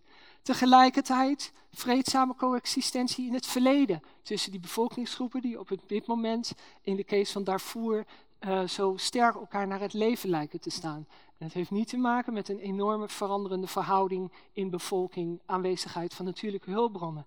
Maar juist met strategische doelstellingen van het beleid in Khartoum, van de overheid in Khartoum, die probeert via de manipulatie van die hulpbronnen een voet aan de grond te krijgen in het zuiden, via inderdaad ondersteuning aan één van de strijdende groepen rondom die hulpbronnen uh, een, uh, uh, een poot aan de grond te krijgen. Natuurlijk de proliferatie van kleine wapens speelt daar ook een ontzettend belangrijke rol. Wat je eigenlijk in het hele grote merengebied ziet, Zuid-Soedan, Somalië, dat dat een ontzettende bijdrage heeft geleverd aan het meer gewelddadig worden van reeds bestaande conflicten. Het is vergelijkbaar als in Mali, onderzoeken die daar gekeken heeft en juist zegt van nou wat heel fascinerend is, is dat de frequentie van land- en waterconflicten niet zozeer opgaat met waterbeschikbaarheid, maar juist opgaat met de, met de burgeroorlog. Dat is juist op het moment dat politieke spanningen op zijn heftigst zijn, uh, lokaal conflict ook uh, het meest intensief is. En dat het zelfs kunt zijn dat je in juist nattere jaren uh, meer conflicten he hebt. Omdat dat blijkbaar het moment is voor bepaalde groepen landbouwers om te zoeken naar uitbreiding van hun landbouwareaal. Um,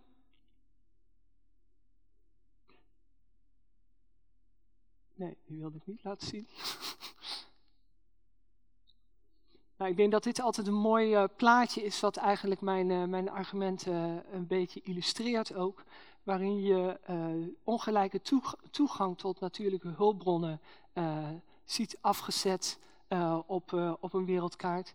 En laten nou net de landen waar we te maken hebben met grootschalige conflicten ook het meest donker gekleurd zijn. Ik denk dat het een hele mooie illustratie is om mijn presentatie mee te eindigen.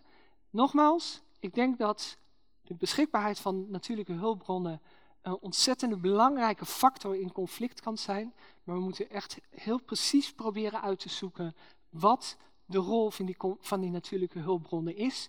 Want het heeft ontzettende implicaties voor de manier waarop je uiteindelijk probeert te interveneren in die conflicten. Dat was eigenlijk wat ik wilde vertellen. Dank u wel voor uw aandacht.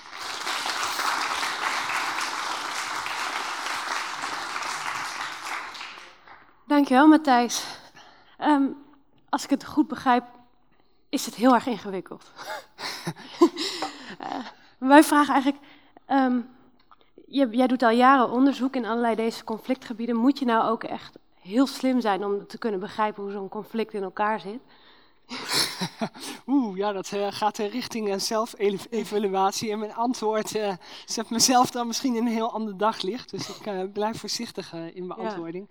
Ja. Um, nou, ik denk dat een van de grootste valkuilen in conflictonderzoek is dat je probeert conflicten te begrijpen vanuit één bepaalde causaliteit. En dat we ons bewust moeten blijven van wat een heel belangrijk punt is, is conflicten veranderen. Ja. En de oorzaken van conflicten kunnen kunnen ook veranderen. En de dynamiek van conflict verandert. En een issue wat op het ene moment een hele belangrijke rol speelt, kan een aantal jaren later veel minder belangrijk zijn. Omdat bijvoorbeeld inderdaad misschien uh, de aanwezigheid van de natuurlijke hulpbronnen een trigger kan geweest zijn voor het uitbarsten van dit conflict.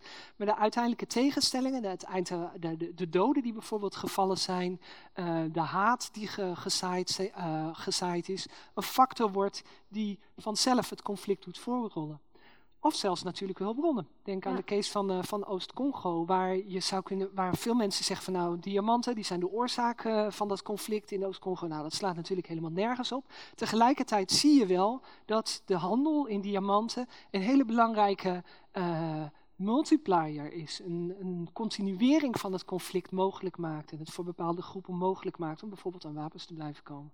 Dus, dus ja. je moet constant terugkeren eigenlijk. Ja, en uh, terug, nooit, nooit geloven van nou, ik heb, de, ik, heb, ik heb het opgelost en ik heb de oorzaak gevonden. Ja. Dus we moeten er eigenlijk mee bezig blijven. Dat is eigenlijk meer de boodschap.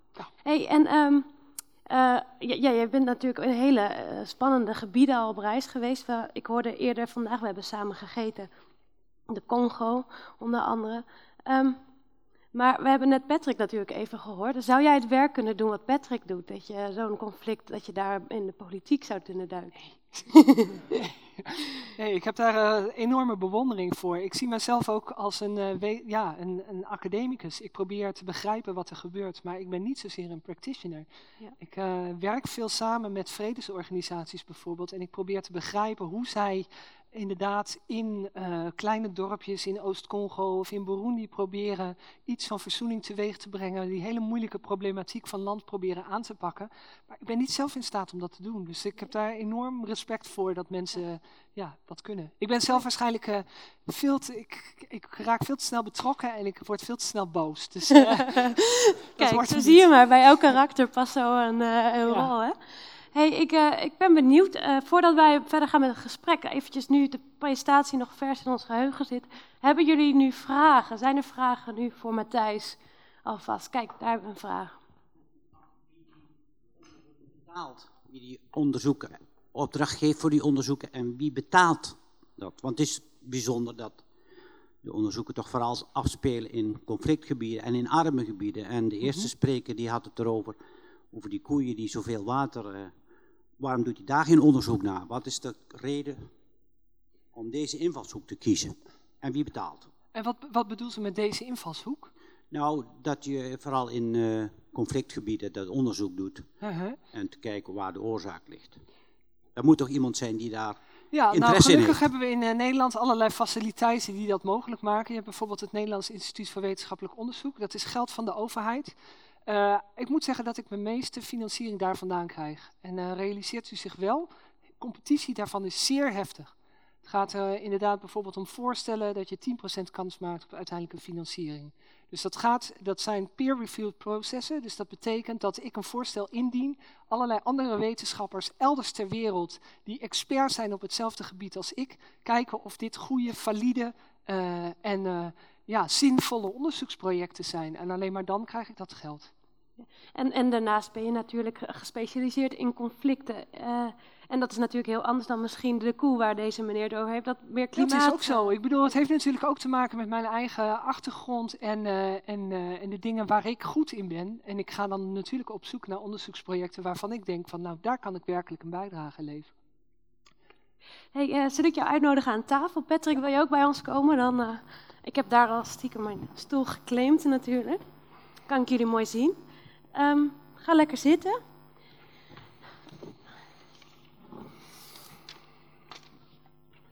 Oh ja, even kijken. Ehm eventjes door de PowerPoint heen. Eh, ik stel voor dat we het als volgt doen. Ik heb een paar slides met erop voorbereid waar eh, vragen op staan eh, die voor onze sprekers. Maar eh, ehm, het is natuurlijk ontzettend leuk als jullie ook je eigen vragen erin eh, mengen. Dus eh, ik stel voor dat ik gewoon de eerste slide even bijpak. Dan kunnen we het gesprek openen. En dat gaat in eerste instantie dus even over klimaatverandering. En probeer dan ook, dan zal ik af en toe eventjes mij tot de zaal richten. En als je dan een vraag hebt, dan kunnen we, kunnen we die even stellen aan een van de sprekers. Dus even kijken, wat zien we hier op deze slide staan? Nou, de vraag is de oorzaken van waterschaarste. En er wordt hier gesuggereerd uitlaatgassen, een theorie over overpopulatie. Dus we beginnen met jou, Patrick. Ehm, wat zijn voor jou de belangrijkste oorzaken? Waar moeten wij onze aandacht? Ja, dat is eh, ook zoals eh, Matthijs heeft gezegd, het is vaak niet vast te pinnen op één oorzaak. Sowieso zijn er geen causale verbanden te leggen. Ehm, maar het is duidelijk dat, eh, dat we te maken hebben met bevolkingsgroei, economische groei eh, en dus de uitputting van, van natuurlijke hulpbronnen. En daarbij bovenop komt dan het hele verdelingsvraagstuk van hoe, is, eh, de, hoe wordt schaarste gemanaged. Ehm, ja, dat, dat, ik denk dat dat de grootste uitdaging is. Hoe krijg je de partijen bij elkaar die op lokaal niveau de context goed kunnen begrijpen, om ook die machtsdynamiek eh, goed in kaart te krijgen. En dat is eigenlijk het veldwerk wat wij doen. Hè? Dus de politiek-economische analyse is precies wat wij doen. Dus ik ben ook heel blij met jouw complementaire presentatie wat dat betreft. Nog sterker, Osterheim eh, was mijn eh, begeleider. Oh, nou kijk.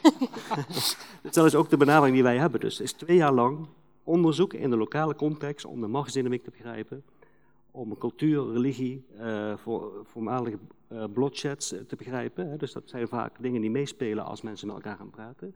En hoe zien die economische belangen eruit? Eh, ehm, eh, omdat het eigenlijk een verdelingsvraagstuk is en die, de partijen die samen dat verdelingsvraagstuk hebben, die moeten er eh, uitkomen op allerlei verschillende punten. Het gaat over landbouw, transport, economische ontwikkeling. Ik, ik hoorde jou net toen wij begonnen aan deze eh, bijeenkomst, hoorde ik jou zeggen, nou, waar gaan we het gesprek over hebben? En zei, nou, het kan maar zo zijn dat er klimaatskeptici hier in de zaal zitten. Ja, Eh, die zijn er niet veel in Nederland meer. nee, even, even, peilen, zie je, zijn hier klimaatskeptici. Het is wel heel spannend om nu je hand op Ja, te steken. bedreigde- Dat kan je eigenlijk niet doen. Het is een bedreigde soort. Ja, maar eh, hoe zit dat in- internationaal? Eh, eh, eh, er werd net al eventjes, we zullen het niet uitgebreid over Trump hebben, maar maakt dat uit, zo'n grote partij?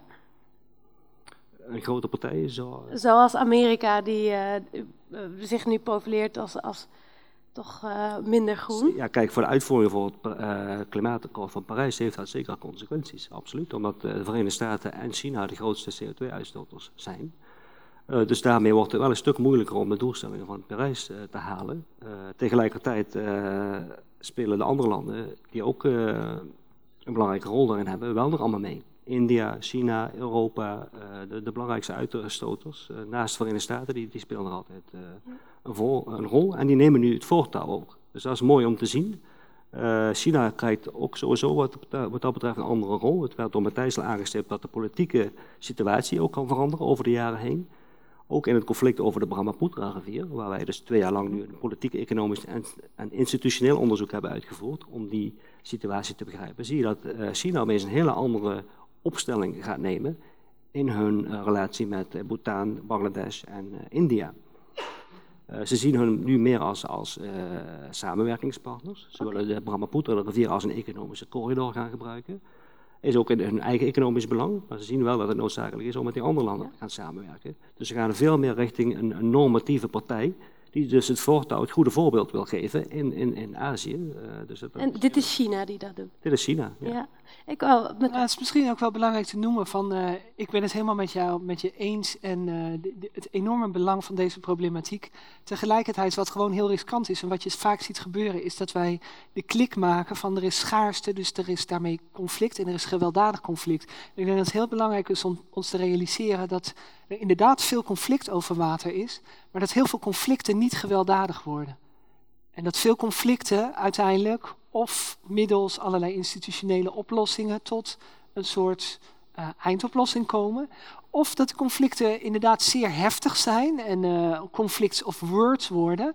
Maar zeker als het gaat om water, althans in mijn eigen ervaring, uh, bijvoorbeeld in Pakistan, maar ook in, in, in, in Oost-Congo en in het grote gemerengebied, is dat juist die waterproblematiek ook een ontzettende pressure kan zijn voor overheden, voor lokale autoriteiten in de regio, juist om samen te komen. Omdat iedereen van die hulpbron afhankelijk is. En hoe groot de tegenstellingen ook zijn, dat water een punt kan zijn. Denk bijvoorbeeld aan de waterkrachtcentrale op de grens van, uh, van Rwanda en, uh, en Congo. Terwijl Congo in de jaren negentig volledig in puin lag, is de waterkrachtcentrale altijd blijven draaien. Oké, okay, dat is een mooi verhaal. Kijk, waar, waar, ik namelijk benieuwd naar was in het verhaal van China. Ik kan me voorstellen dat het voor China nu ook wel heel mooi uitkomt dat zij een soort van PR is het bijna, hè, dat zij nu die, die, die, uh, dat klimaatakkoord aan het trekken zijn. Maar tegelijkertijd heb, hoor ik uh, bijvoorbeeld, ik heb een collega uit Vietnam en die vertelt over hun afhankelijkheid van China en de grote industrie die daar is en het water wat daar vervuild is is het wel zo rooskleurig dan dat je zegt van nou, maar China pakt dat nu op zich en die gaat mooie samenwerkingen aan. Um, nou ja, dat, dat, ik, in mijn optiek is dat heel rooskleurig. Kijk, ik heb zelf uh, lang in Vietnam gewoond. Uh, voor, om daar met klimaatadaptatie en watermanagementplannen te ontwikkelen voor de Nederlandse overheid. En dan was China inderdaad een bedreiging in de zin van, van waterkrachtcentrales, hydropower development. Hè. Dus er zijn 15 dammen nog in ontwikkeling en er zijn er al 200 in de hele Mekong-regio. Um, als je daar politiek-economisch naar gaat kijken, zie je dat die landen heel veel, veel meer kunnen winnen door samen te werken, dan niet met elkaar samen te werken. Op het moment dat dat besef is doorgedrongen, en dat is ook bij China doorgedrongen, uh, kun je naar oplossingen gaan zoeken waarbij de landen gewoon profijt van hebben. Ja. Dat zie je nu ook gebeuren. Kijk, China is afhankelijk van voedselimport. Vietnam is de, is de rice basket van, van Zuid-Azië. Dat voorziet 200 miljoen mensen in Zuid-Azië van rijst. Nou, als, als um, tegelijkertijd um, zou Vietnam tegen China kunnen zeggen: van luister eens, jullie krijgen van ons voedsel als we van jullie wat meer elektriciteit kunnen krijgen door jullie hydropower development. Dus dan krijg je uitwisseling, uitwisselmogelijkheden. Dus eigenlijk moet je overal vooral het economisch voordeel benadrukken van samenwerking. Vaak is dat voor, voor landen een, een belangrijk doorslaggevend argument. Hè? Dus het is gebaseerd op een soevereiniteit. Ze vinden dat zij het recht hebben om zich te ontwikkelen, net zoals westerse landen dat ook ja. decennia lang gedaan hebben. En dat recht hebben ze natuurlijk ook. Uh, op het moment dat je op dat niveau komt van politiek-economische uh, belangen, uh, dan zie je dat er ook als je dat maar breed genoeg trekt, en niet op, op, een single issue zoals water of landbouw alleen maar richt, dat er veel meer mogelijkheden komen om, om met elkaar te gaan samenwerken. Een vraag. misschien een beetje een cynische vraag, maar leidt het ook tot een andere opstelling van China ten opzichte van Tibet? Of is dat al te lang bezig? Ja, ja dat is nou een voorbeeld waar dus heel veel onderliggende eh, belangen en, en, een stuk geschiedenis aan vastzit. Uh, het zijn, ja, dat is een beetje appels met peren vergelijken, maar het is wel duidelijk dat China een heel groot belang heeft in de Himalaya als de watertoren van Azië. Alle grote rivieren van, van Azië komen uit de Himalaya. Uh, in dus... weet jij hier meer van? Ik ben uh, geen expert op uh, Zuidoost-Azië. Waar ik er wel, wel aan denk is, uh, in internationale diplomatiek kan het vaak heel handig zijn om juist op een ander issue wat niet zo ontzettend contentious is en waar al een zekere mate van wederzijdse afhankelijkheid bestaat, in te zetten en dat gebruiken om leverage te hebben met betrekking tot andere issues. Maar, ja. ja ik, dus, dus in dit geval bedoel je dan de verhouding met Vietnam te gebruiken in plaats en dat Tibet nog even de vingers niet branden? Ja, of juist die, juist die diplomatieke encounters ook te gebruiken om in de wandelgangen moeilijkere uh, issues aan te stippen als inderdaad Tibet. En dan moeten we Patrick invliegen. Dus, uh... Nou ja, ik wil mijn rol ook niet te groot maken. Wij werken altijd samen met lokale organisaties, omdat wij echt de lokale context gewoon goed moeten begrijpen. Dat kan ik vanuit mijn kantoor in Den Haag echt niet voor elkaar krijgen natuurlijk. Nee. We werken altijd met lokale onderzoekers en, en uh, maatschappelijke organisaties. Daarom reizen jullie dus allebei zoveel. Ja, dat is wel de belangrijke reden. Ja. Dus even kijken. Ik zie twee vragen, dus we gaan eventjes weer naar het publiek. Uh, zullen we eerst achterin en dan voorin?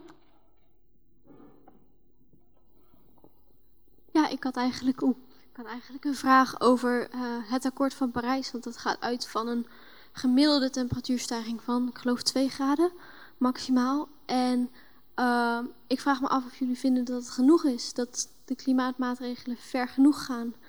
Omdat het toch wel zal leiden tot uh, drastische veranderingen in het klimaat, zeker rond Evenaar?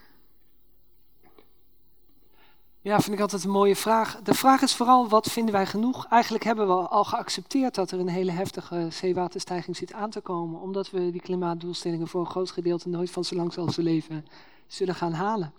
Um, de effecten van klimaatveranderingen vinden al plaats. En de maatregelen die we tien jaar geleden eigenlijk hadden moeten nemen om het tegen te gaan, die zijn niet genomen. Um, ja, we kunnen nu alleen struggelen met, uh, met die veranderingen die plaats gaan, gaan vinden. En je kan dan inderdaad zeggen van nou, misschien moeten we nu wakker worden en, uh, en meer gaan doen. Nou, dat zou ik zeker zeggen. Maar... De pragmatische aanpak eigenlijk. nou, laten we het maar het beste maken met ja. Ja, daar zitten twee kanten aan, als ik daarop mag aanvullen. Ja, natuurlijk. Het gaat natuurlijk, we moeten alles op alles zetten om, om de klimaatdoelstellingen te halen. Um, dat is met de, de, het wegvallen van de VS uh, in dit geval uh, ja. dat problematischer. Uh, tegelijkertijd denk ik dat we alles moeten doen om die anderhalf graad uh, temperatuurstijging, uh, om, om, het, om niet verder boven te laten komen, omdat we echt met tipping points te maken krijgen. Groenland, die, waar, het, waar de sneeuw wegsmelt, waar je dus eigenlijk een versnellend effect gaat krijgen van, van opwarming van de aarde. weerstromingen die gaan veranderen, dat zien we nu al gebeuren, waardoor dus bijvoorbeeld meer tyfoons aan, aan, aan, aan de oostkust van de Verenigde Staten gaan optreden. we krijgen hoe dan ook met die gevolgen te maken. Dus aan de ene kant heb je gewoon die mitigatie nodig. We moeten alles doen om CO2-productie tegen te houden, methaanproductie vanuit de veeteelt bijvoorbeeld. Tegelijkertijd moeten we inderdaad, zoals Matthijs zegt, uh, ons voorbereiden op de gevolgen. En uh, de gevolgen die we nu al zien. Uh, want veel eilandstaten verdwijnen gewoon al gewoon, van, van de aardbodem, om het zo maar even te noemen. Die verdwijnen onder de zee, meer letterlijk. En, en, heel veel, kust, 80% van de mensen leven in kustgebieden. Dus die krijgen allemaal, al die grote steden, alle metropolen, die krijgen te maken met zeespiegelstijging. En dan moeten we er echt alle zeilen bij zetten. Instituties die gewoon de capaciteit moeten opbouwen om, om, dat, om dat probleem op te pakken, om, om uh, daarop te anticiperen. Dat is de, het klimaatadaptatieverhaal. En Nederland helaas, uh, die, die uh, loopt achter, ja, achterop in Europa. Na, na ehm, hoe heet het, kleine eiland in de Middellandse Zee, ik kom er even niet op. Ehm, niet Costa Rica. Malta, Malta en Cyprus en uh, Corsica. Uh, ja, dan, en dan komt Nederland uh, in termen van het duurzaamheidsbeleid. We lopen ver achterop. Ja. Dus niet alleen leven we in tijden van droogte, we lopen ook nog achter. We lopen ver achter, vooral op het vlak van klimaatbeleid. Ja. Ik leer een hoop nieuw bij. vraag. Ik heb een vraag voor meneer Huntjens. Ja. Um, als voor uw rol als mediator in een waterconflict. Um, je bereidt je natuurlijk heel goed voor voor zo'n gesprek, voor zo'n rol. Um, en gaat u er dan in met een bepaald doel van uh, waar die mediating toe moet gaan? Of gaat u er met een open blik in? En hoe doet u dat als mediator dan? Het is altijd met een open blik. Je weet nooit wat eruit komt. Dus je hebt meer een rol als procesmanager. Dus je probeert de partijen aan tafel te hebben. Ehm, een belangrijk onderdeel van, van bemiddeling is, is ook het punt dat je dus gewoon goed moet begrijpen hoe dat conflict in elkaar steekt. Dus daarom, voordat wij in zo'n bemiddelingsproces uh, optreden, hebben we vaak al jarenlang onderzoek gedaan naar de institutionele en politieke economische analyse uitgevoerd. Van hoe ziet die machtsdynamiek eruit? Welke belangen zijn er? Welke partijen hebben een rol? Uh, hoe zien zij het probleem? En als je dus partijen, als je de belanghebbenden aan tafel hebt zitten, dan moet al heel veel werk gebeurd zijn. En dan moet je er nog van uitgaan dat iedereen, iedere persoon heeft zijn eigen kijk op het probleem en de oplossingen. Uh, dus dat moet je zien te faciliteren. Uh, dat, dat is de, de, uitdaging van bemiddeling. Uh, iedereen heeft zijn eigen kijk erop. en dan, dat moet je wel de ruimte geven. En uiteindelijk toch tot een, tot een afspraak of een beslissing. Gaat daar veel voor, aan vooraf voordat ze eenmaal bij jou aan tafel zitten? Is daar veel voor nodig?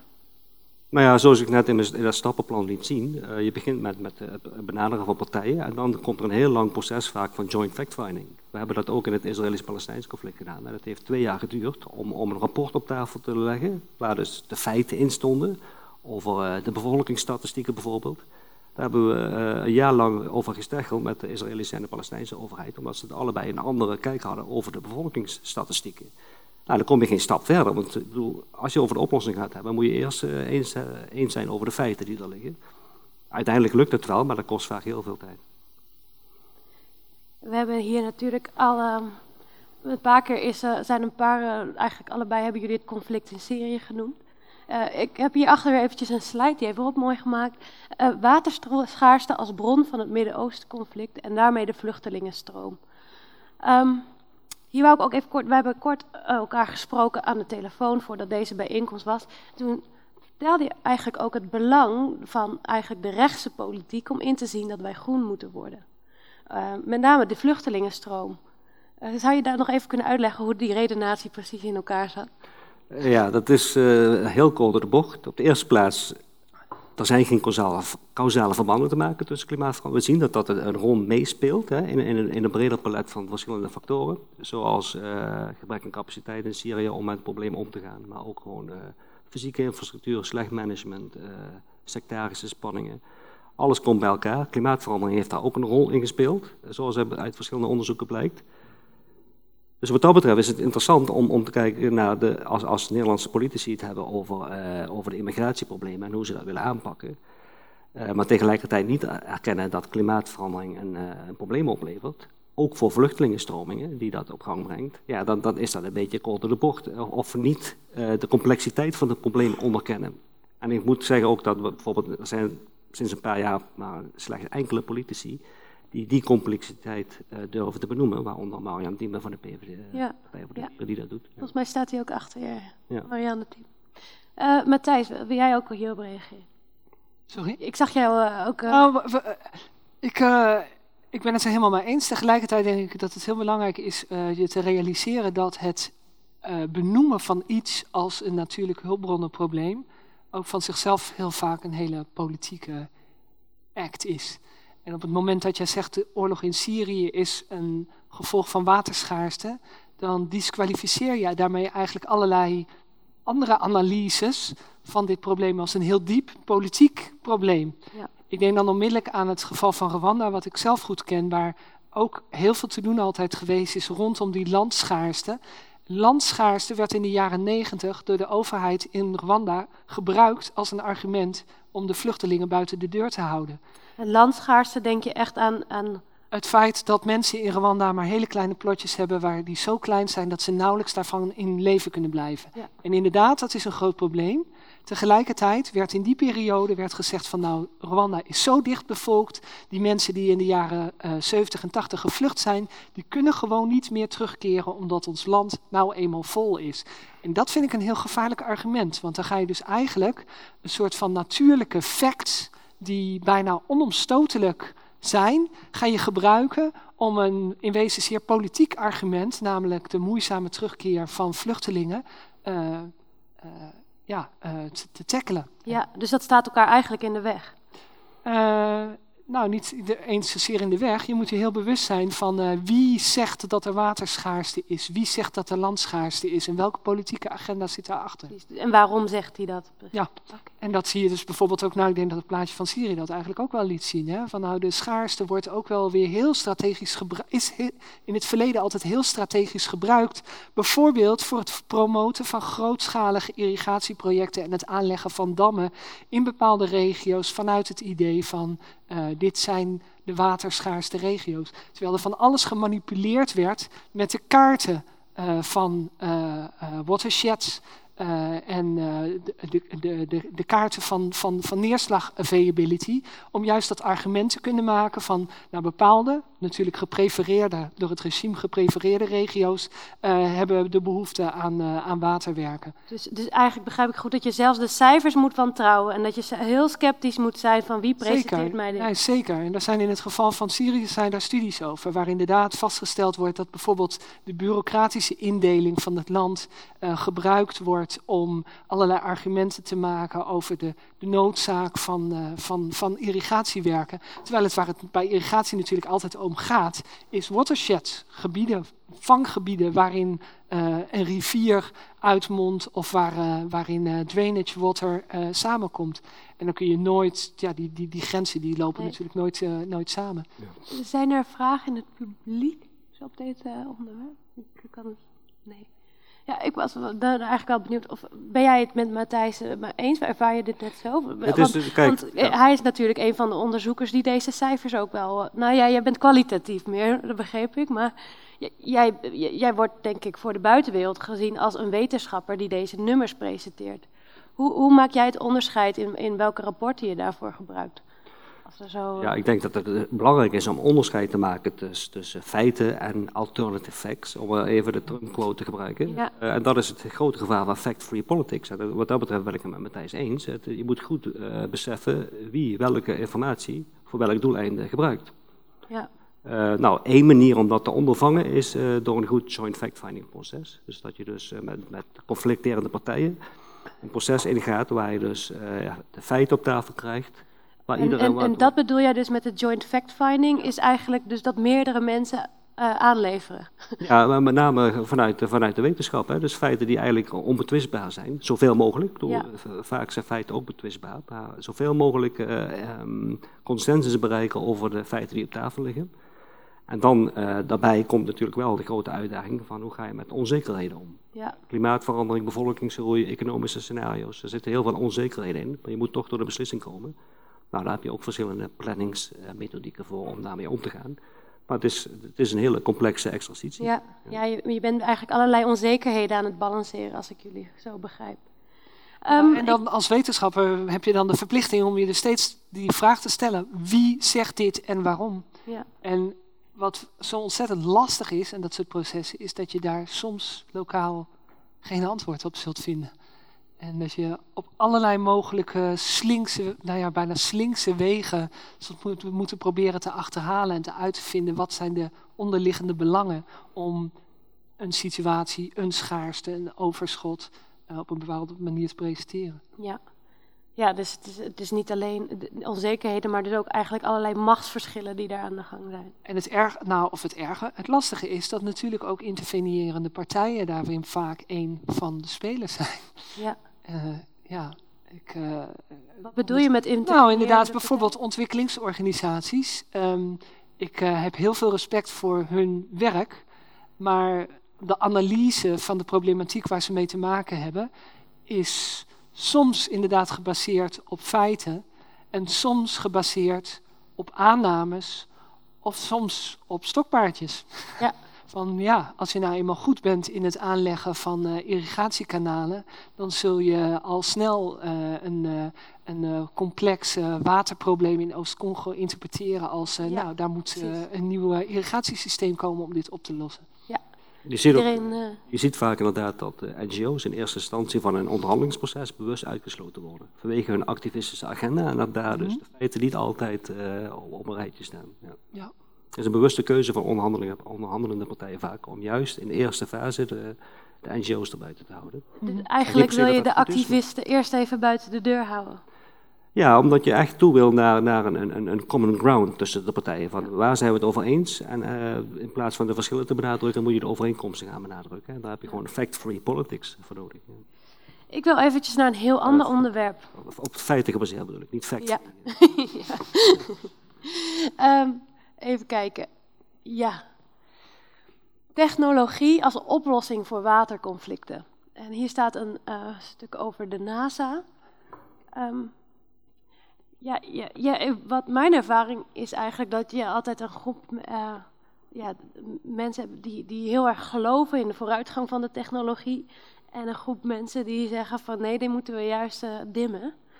Um, Patrick, wat is, hoe kijk jij naar de oplossing? Want je noemde het net al even. Ik, ik geloof dat jij het uh, optimistisch inziet. Klopt dat? Ja, kijk, om dit soort complexe problemen aan te pakken, zijn er op, op allerlei vlakken gewoon is er vooruitgang nodig of versterking. Uh, dus dat geldt voor uh, institutionele versterking, hè, dus, dus overheden die gewoon de capaciteit moeten hebben. Het gaat vaak alleen niet over de overheden, maar ook uh, het bedrijfsleven, het maatschappelijke veld, wat ook gewoon getraind moet worden om, om dit soort problemen te kunnen duiden en met complexiteit te kunnen omgaan.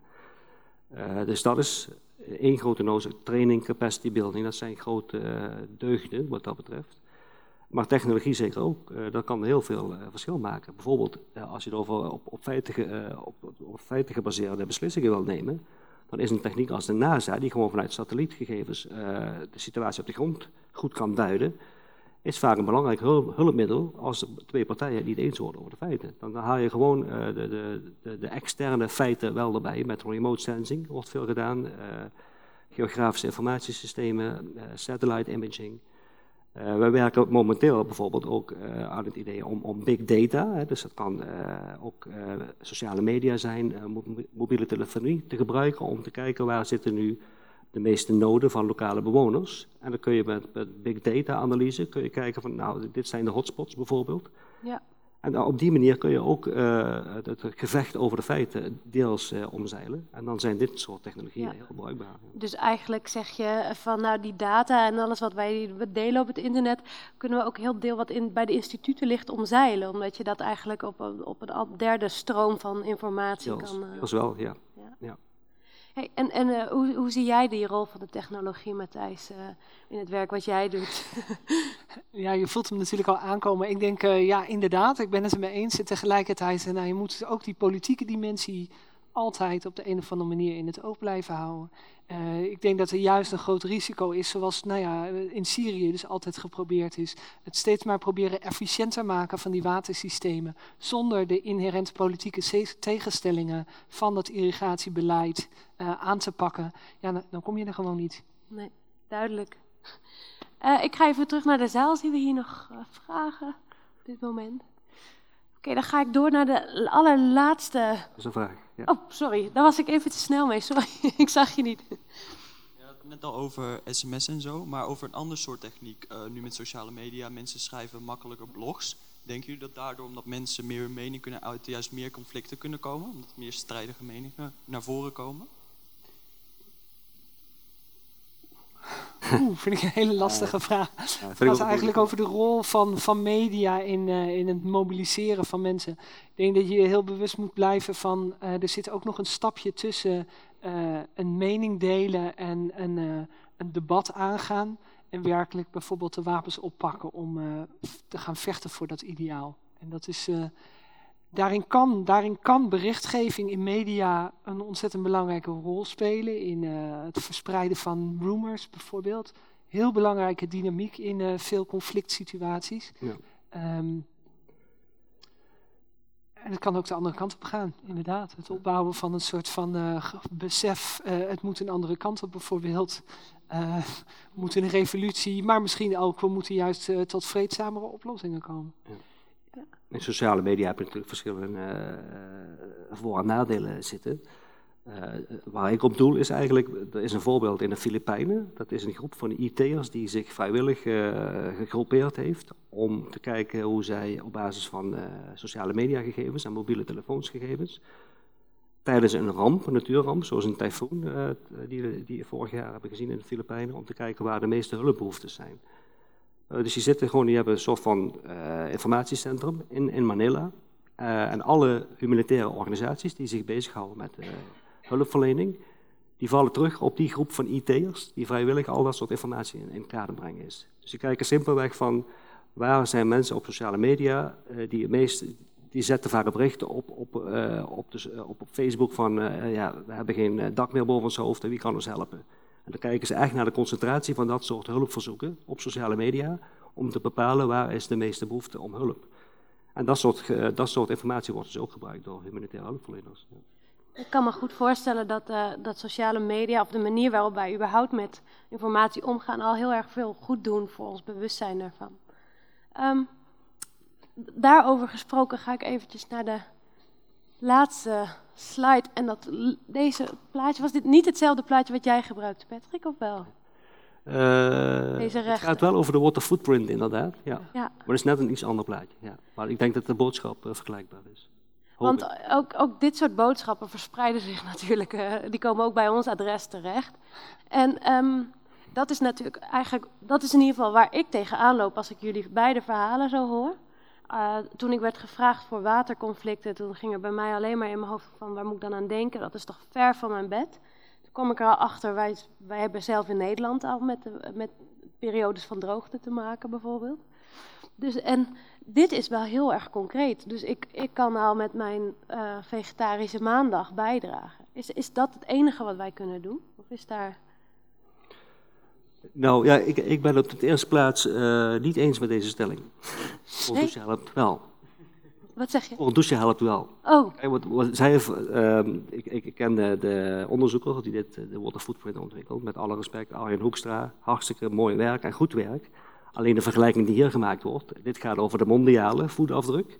Hè, dus dan kun je inderdaad het argument voeren, als wij minder vlees eten, dan betekent dat dat we minder virtueel water eh, importeren vanuit Brazilië bijvoorbeeld, door, door, door de vee. Eh, Hier eventjes, een- even voor de helderheid. Als je dan over virtueel water spreekt, bedoel, bedoel je dat het water niet in Nederland is aangekomen, maar het wel verbruikt is voor Nederland? Ja, nee, 95% van ons waterverbruik zit in consumptiegoederen. En dat wordt ge- geïmporteerd. 95% van ons waterverbruik wordt daardoor geïmporteerd. Dus de, de granen uit Rusland en, en, de Verenigde Staten, de sojabonen uit Indonesië, uit, uit Brazilië, eh, het rundvlees uit, uit Brazilië. eh, dat, dat is allemaal waardoor wij water importeren feitelijk. Het is water wat je niet ziet. Ja. Maar toch importeren we dat water. Daarom noemen we het virtueel water. De vergelijking die hier gemaakt wordt, is dat je, dat je misschien met minder vlees eten dat kan tegengaan. Eh, maar op het moment dat wij een watertekort in Nederland hebben, dan, heeft het, dan maakt het geen verschil of we minder biefstuk eten of niet. Dan kun je feitelijk per, hui- ja, dan kun je per huishouden kun je, eh 50% waterreductie realiseren door regenwateropvang, door korter te douchen, door niet je water, eh, de auto te gaan besproeien met kraanwater, maar bijvoorbeeld het regenwater ervoor te gebruiken. Eh, daar kunnen enorme waterreducties eh, uitgehaald worden. En dat geldt ook voor het bedrijfsleven, voor, voor de industrie. En we hebben in Nederland al een paar keer een soort van noodoproep, eh, ook tijdens het kabinet eh, Rutte, gehad, om, omdat mensen minder moeten gaan douchen. Omdat er gewoon simpelweg te weinig water door de rivier stroomt, eh, om voldoende koelwater te leveren voor onze elektriciteitscentrales. Dus onze elektriciteitsproductie kwam, eh, heeft een aantal keren op het spel gestaan. Even handen, wie wist dat? Oké, dit is wel heel bewust publiek. Ja, en dan kan korter douchen dus wel een, Ja, een, een bijdrage leveren. Ja. Minder vlees, minder doorspoelen. Minder vlees voor de, voor de mondiale voetafdruk, minder douchen voor onze nationale afdruk. Kijk, Ja. dat is duidelijk. hey, en Matthijs, ehm, jij, jij bent het eigenlijk minder op het water. Jij, zit, eh, zit in, jij be- probeert vooral internationale conflicten te begrijpen. Mhm. Ehm, hoe, kunnen, hoe moeten we jouw werk nou, eh, wat, wat kunnen we van jouw werk nou mee naar huis nemen, waar, waar we nog later iets aan terugdenken van, eh, wat is de boodschap? Ja, Dat is een hele vraag. lastige en gevoelige vraag. Nou, ik denk dat mijn belangrijkste message vanavond was van eh, wees heel voorzichtig met het onmiddellijk framen of het labelen van conflicten in termen van bijvoorbeeld waterschaarste of tekorten van grond. En probeer je te realiseren eh, dat er gewoon heel veel onder zit. Ik denk een heel prachtig voorbeeld is eh, de, de discussie de afgelopen weken die er in de media geweest is over de hongersnoden in eh, de hoorn van Afrika en, eh, en Jemen. Waarbij in het begin steeds de nadruk gelegd werd op klimaatveranderingen en droogte, die we, nou, de, effecten van klimaatverandering die we nu in de vorm van droogte en waterschaarste zien. En recentelijk, ik denk de afgelopen weken, we opeens artikelen zien oppoppen die zeggen van, hey, het is toch eigenlijk wel heel toevallig dat net de landen waar grootschalige conflicten zijn, waar de staat uh, in discrediet is, dat nou de landen zijn die zo ontzettend worstelen met die waterschaarste. Terwijl er andere, andere landen in Afrika zijn die daar blijkbaar veel minder problemen mee hebben. Hier is jouw headset die stoort. Wil je deze gebruiken? Ja. Wil je ruilen? Wil je deze Zo, horen jullie mij weer? Sorry voor mijn headset. Um, ik wil niet afdoen aan jouw boodschap. Uh, volgens mij, Matthijs, is jouw boodschap heel duidelijk. Uh, moet je elke keer jezelf uitdagen om genuanceerd naar de conflicten te kijken. Ook, dat kunnen we ook in ons alledaagse leven eigenlijk doen. Hè? Zijn er nog meer uh, vragen? Laatste rondje. Dan wil ik het hier gaan bij laten. Oh ja, ik, hier heb ik een vraag. Ik zal naar je toe lopen, want ik heb de microfoon in hand. Kijk, ga ik eventjes heen en. Uh, ja, ik heb een beetje een ethische vraag, ook een beetje onder het mom van de maand van de ethiek. Uh, wanneer jullie naar uh, Syrië gaan met een uh, moeilijke boodschap van, jongens, bijvoorbeeld rijstverbouw in Zuid-Syrië is niet zo'n goed idee, want het is redelijk droog bij jullie. Ehm, hoe vaak komen jullie in contact met de vraag van, of de opmerking eigenlijk, van ja, leuk die boodschap, jullie komen hier met de beste bedoelingen, maar jullie hebben zelf ook lang genoeg gedaan aan mismanagement, waardoor jullie bijvoorbeeld verlies aan biodiversiteit hebben meegemaakt. Dus uh, ja, we hebben ook het recht om ons te ontwikkelen. Dus laat ons alsjeblieft ons ding doen. Uh, hoe vaak komen jullie dat tegen en hoe gaan jullie hiermee om? Dankjewel. Uh, ik ga terug naar de sprekers. ja, ik zit. Nou, wat ik, ik kom het niet zo heel vaak tegen. Wat ik vaker juist tegenkom, is dat mensen zich afvragen: van goh, hoe krijgen jullie het in Nederland voor elkaar om het zo netjes te regelen met z'n allen?